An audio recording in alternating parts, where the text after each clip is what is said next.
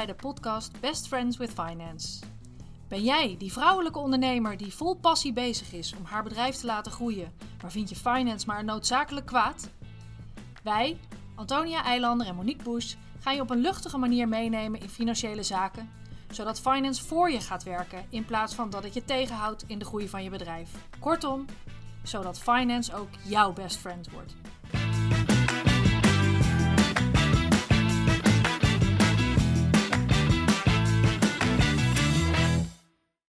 Welkom bij een nieuwe aflevering van de Best Friends in Finance podcast. Monique en ik zitten er weer klaar voor, naast elkaar, gemoedelijk, zoals we dat fijn vinden. Ja, weer helemaal in de stemming, uh, Antonia, om een uh, podcast op te nemen. Ja, we zitten er nu wel lekker in. We gaan dat niet nog een keer Nee, zo, nee, nee, eh, nee, zo nee. laten versloggen. Nee.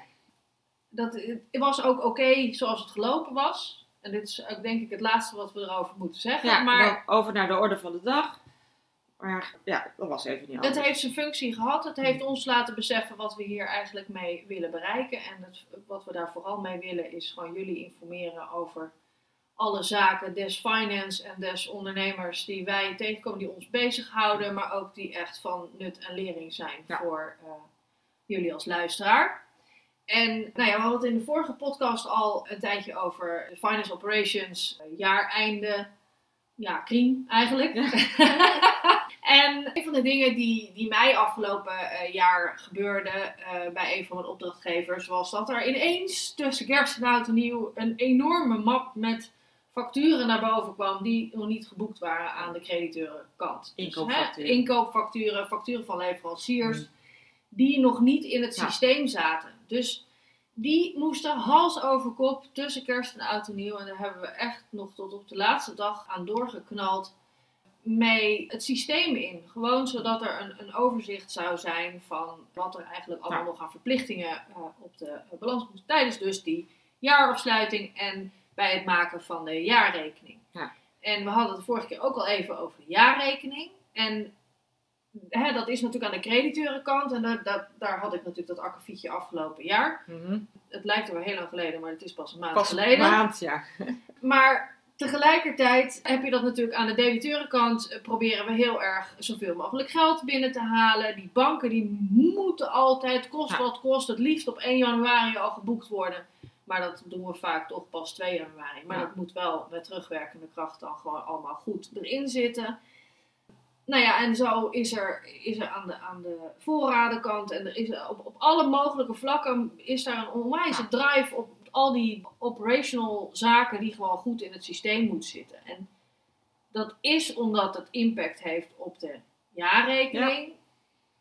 Maar wat is nou die impact precies? Nou ja, dat is altijd, terwijl je dat zit te vertellen, probeer ik me een beetje eh, te verplaatsen in iemand die helemaal niet financieel geïnteresseerd is. En die dan denkt van, nou ja, doe niet zo ingewikkeld. Het is iedere maand einde van de maand. En als je het in december niet boekt, dan kan dat toch gewoon in januari. Dus eh, waarom al, eh, al die pressure en waarom moet dat allemaal per se af?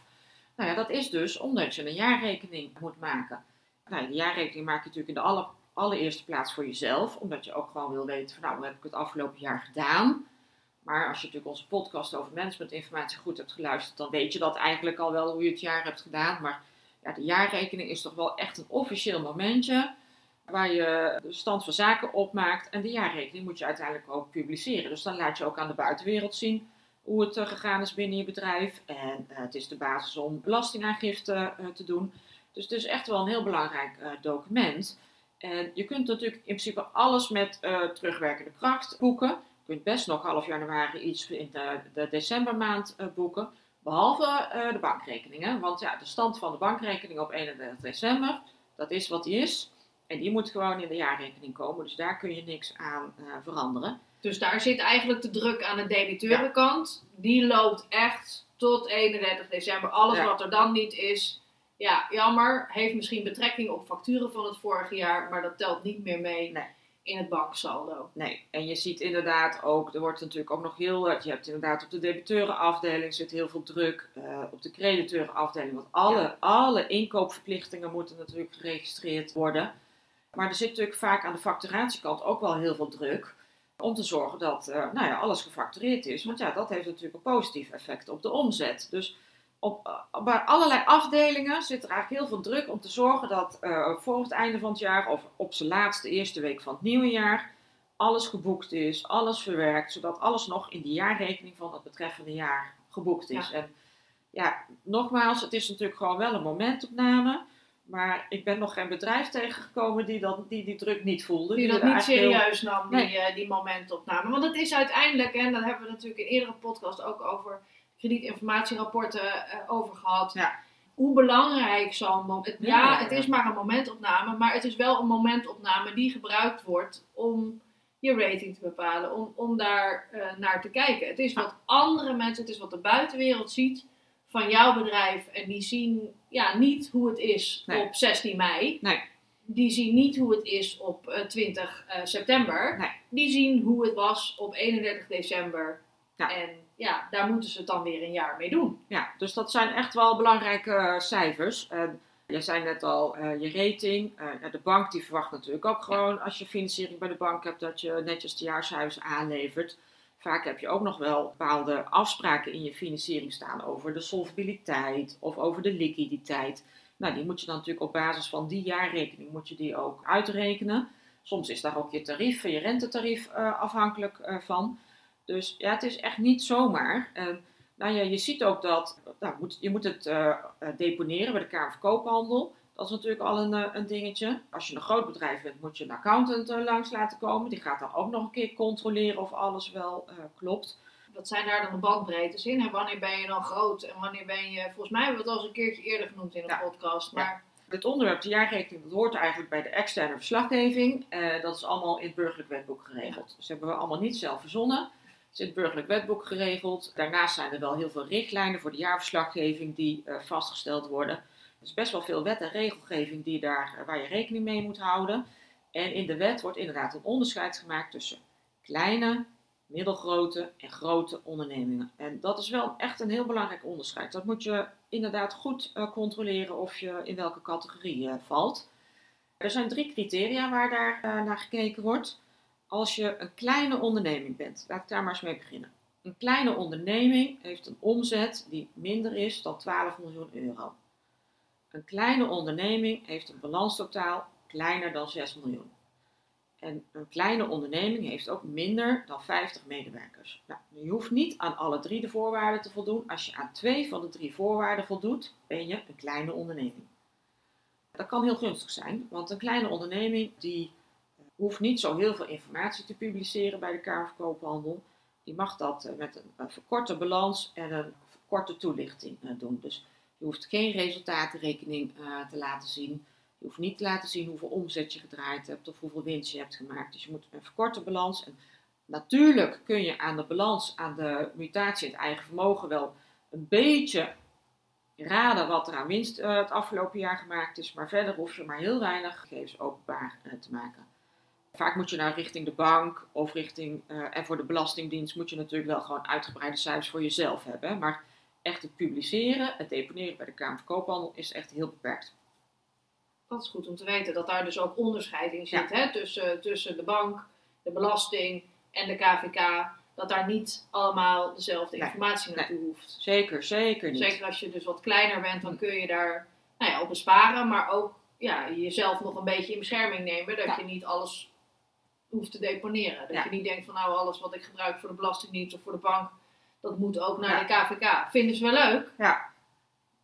maar het hoeft niet. Nee, en het is natuurlijk, eh, er zijn best wel veel meningen over of dat nou eh, wel of niet eh, eerlijk is dat je moet deponeren en je cijfers bekend moet maken.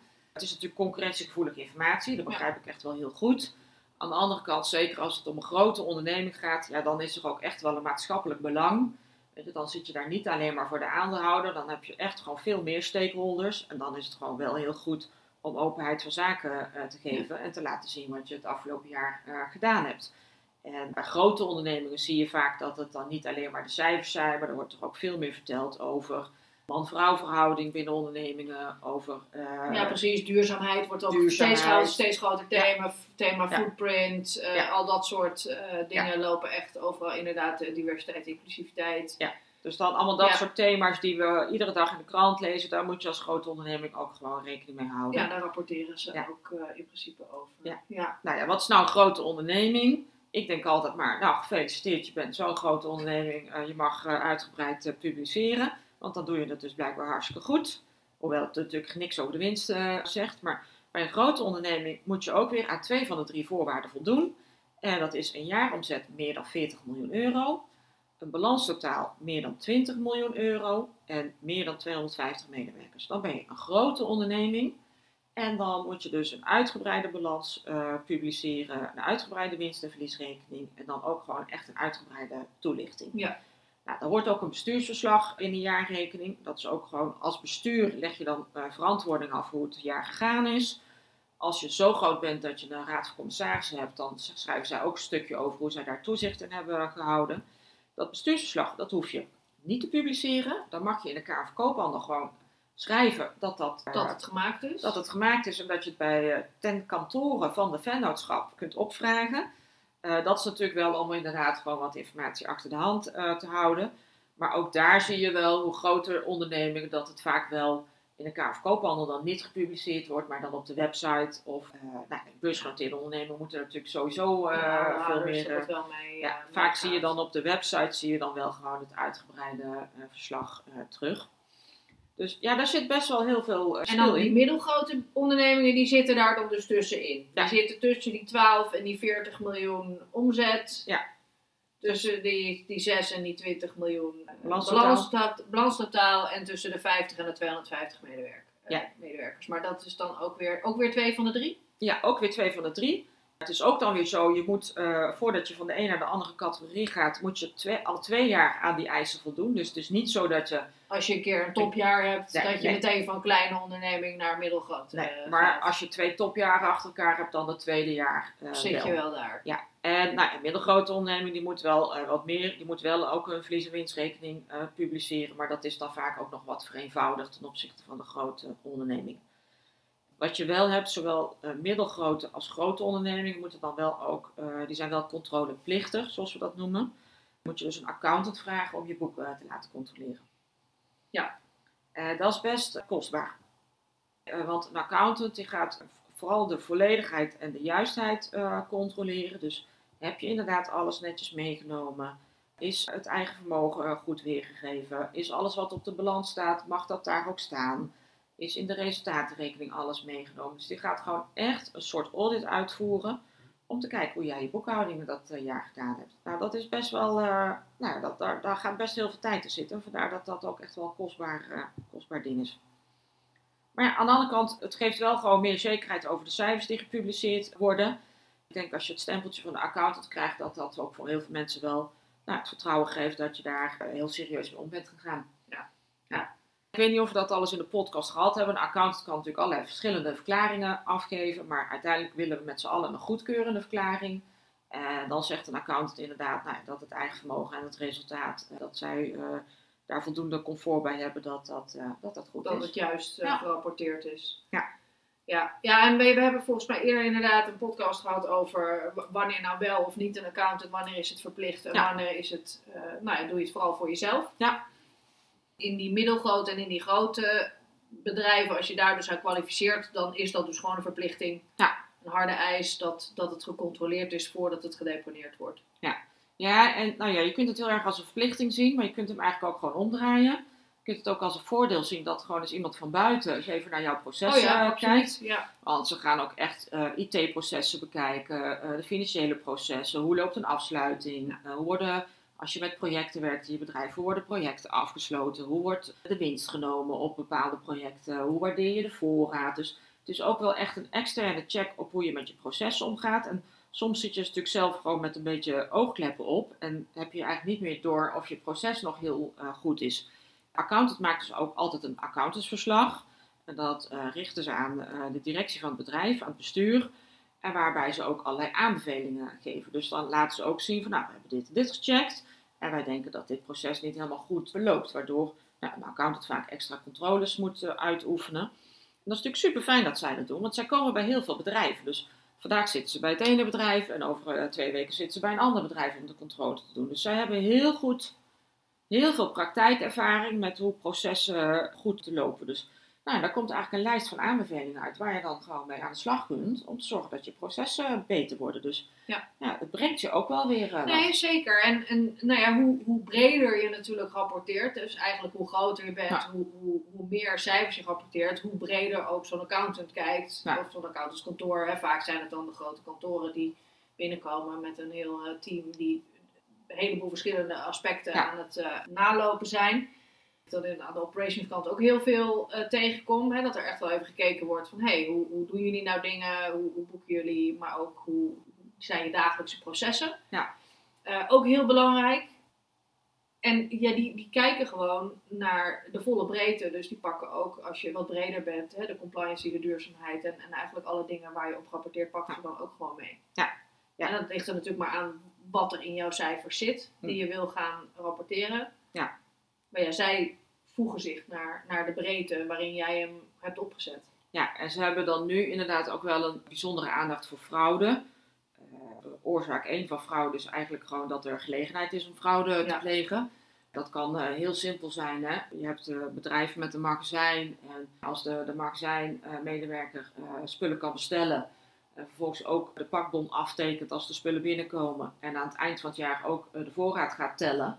Ja, dat is niet heel goed geregeld. Want dan, nou, we gaan eigenlijk een beetje altijd van het vier ogen principe uit. Dan is er niemand die controleert. Er is niemand Ja. die controleert. En dan denk je misschien van ja, maar dat moet je dus ook zo niet doen. Maar je ziet echt heel vaak bij bedrijven dat dat gewoon wel op die manier gaat. Omdat Ja. vroeger was er maar één iemand voor het magazijn.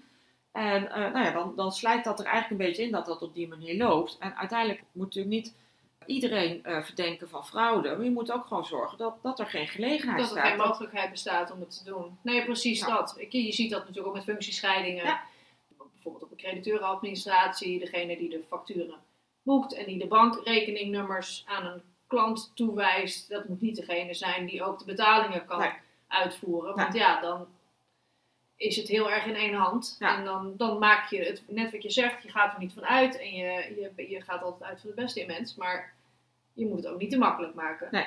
Nee, en soms slui- sluipt het er inderdaad in, hè, want nou, het is natuurlijk ook standaardregel. Iemand moet niet en debiteurenadministratie en crediteurenadministratie doen.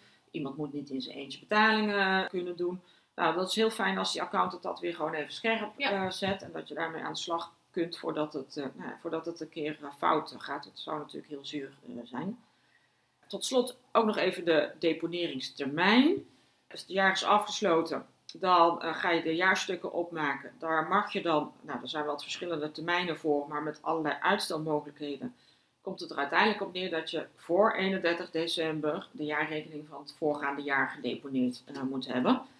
Eh, de Kamer Koophandel die is daar niet actief in. Dus je krijgt geen briefje van de Kamer van Koophandel van goh, beste meneer en mevrouw, u bent vergeten om de jaarrekening te deponeren. Als je hem niet deponeert, dan zal je daar verder geen reactie op krijgen. Alleen, het is wel een economisch delict. Dus je kunt daar een eh, flinke boete voor eh, ontvangen.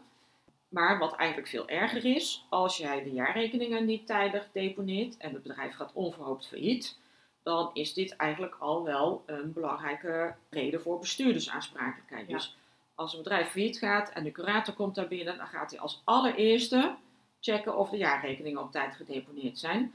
Want als dat niet het geval is, dan claimt die bestuurdersaansprakelijkheid. En dan moet jij als bestuurder, ja, moet je maar aantonen dat dat niet het geval is. Dus dat is eigenlijk een veel grotere straf, of gevaar, of risico, dan dat, eh, die boete bij dat economisch eh, delict. Want nou ja, daar wordt niet zo heel serieus op gehandhaafd. Het zou wel een heel mooi verdienmodel zijn voor de overheid. Ik wou net zeggen, want dat is de overheid die, Dat is de overheid. die in principe daar eh, ingrijpt dan. Maar eh, nou ja, die aansprakelijkheid, dat wil, dat wil je natuurlijk Nee. niet. Dus zorg gewoon dat je dat op tijd eh, deponeert. Daar heb je twaalf maanden voor, dus eh, dat moet toch zeker lukken in twaalf maanden. En nou ja, er zijn er zijn ook altijd discussies van, wil je nou heel snel deponeren of wil je dat nou juist niet? Ja, ik, ik ben zelf Ik al net zeggen, jij bent tegenwoordig echt een voorstander van zo snel mogelijk. Nou ja, dat we, hebben we vorige keer al gehoord. Ja, ik, ik maak graag die, die jaarrekening snel af. Maar dat is ook omdat ik weet, ik heb bij een kredietverzekeraar gewerkt. Ik weet dat dat gewoon heel als een positief signaal ontvangen wordt. Op het moment dat je je jaarrekening heel snel eh, deponeert. Want het is toch ook een beetje een teken dat je het eh, financieel en admi- administratief goed op orde hebt. Dus ik ben voorstander van heel vroeg deponeren. Er zijn bedrijven die zeggen van nou, dat doen wij niet. Eh, vaak zijn dat ook wel DGA's. Die willen dan eigenlijk voor de buitenwereld niet laten zien hoe het gaat. Wat het resultaat een bepaald jaar is. Of Dat kan, dat is een overweging, maar nou ja, ik, ik denk dat het uiteindelijk niet heel verstandig is om dat eh, zo te doen. Maar uiteindelijk mag je daar natuurlijk gewoon je keuze in maken. Ja. En eh, is, het, eh, is het aan jezelf of je, nou, of je dat eind januari doet of pas eind december. Ja, want dan kun je ook niet meegenomen worden in de quote. Dat is ook Nee, wel weer, nee, dat is ook wel lekker rustig. Nou, er zijn mensen die willen graag in de quote en er zijn mensen die willen juist niet in de quote. Dus nou, dat zijn ook allemaal weer overwegingen die mensen zelf kunnen maken. Ja, Ja, nee, duidelijk. Nou, ik denk alles bij elkaar weer een, eh, een super interessant podcast over, over de jaarrekening. En over alles wat er nou eigenlijk bij komt kijken. En waarom en hoe en wanneer. ja. Dankjewel Monique voor al deze inzichten. Ik heb er ook weer eh, hier en daar dingetjes van opgestoken of eventjes opgefrist.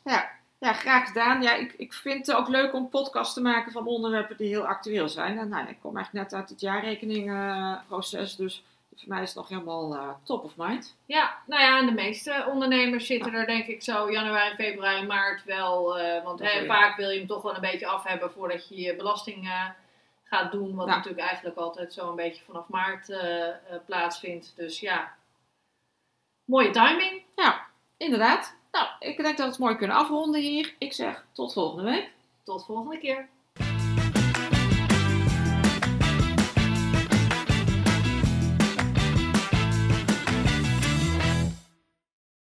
Dankjewel voor het luisteren naar onze podcast. Dat vinden we superleuk.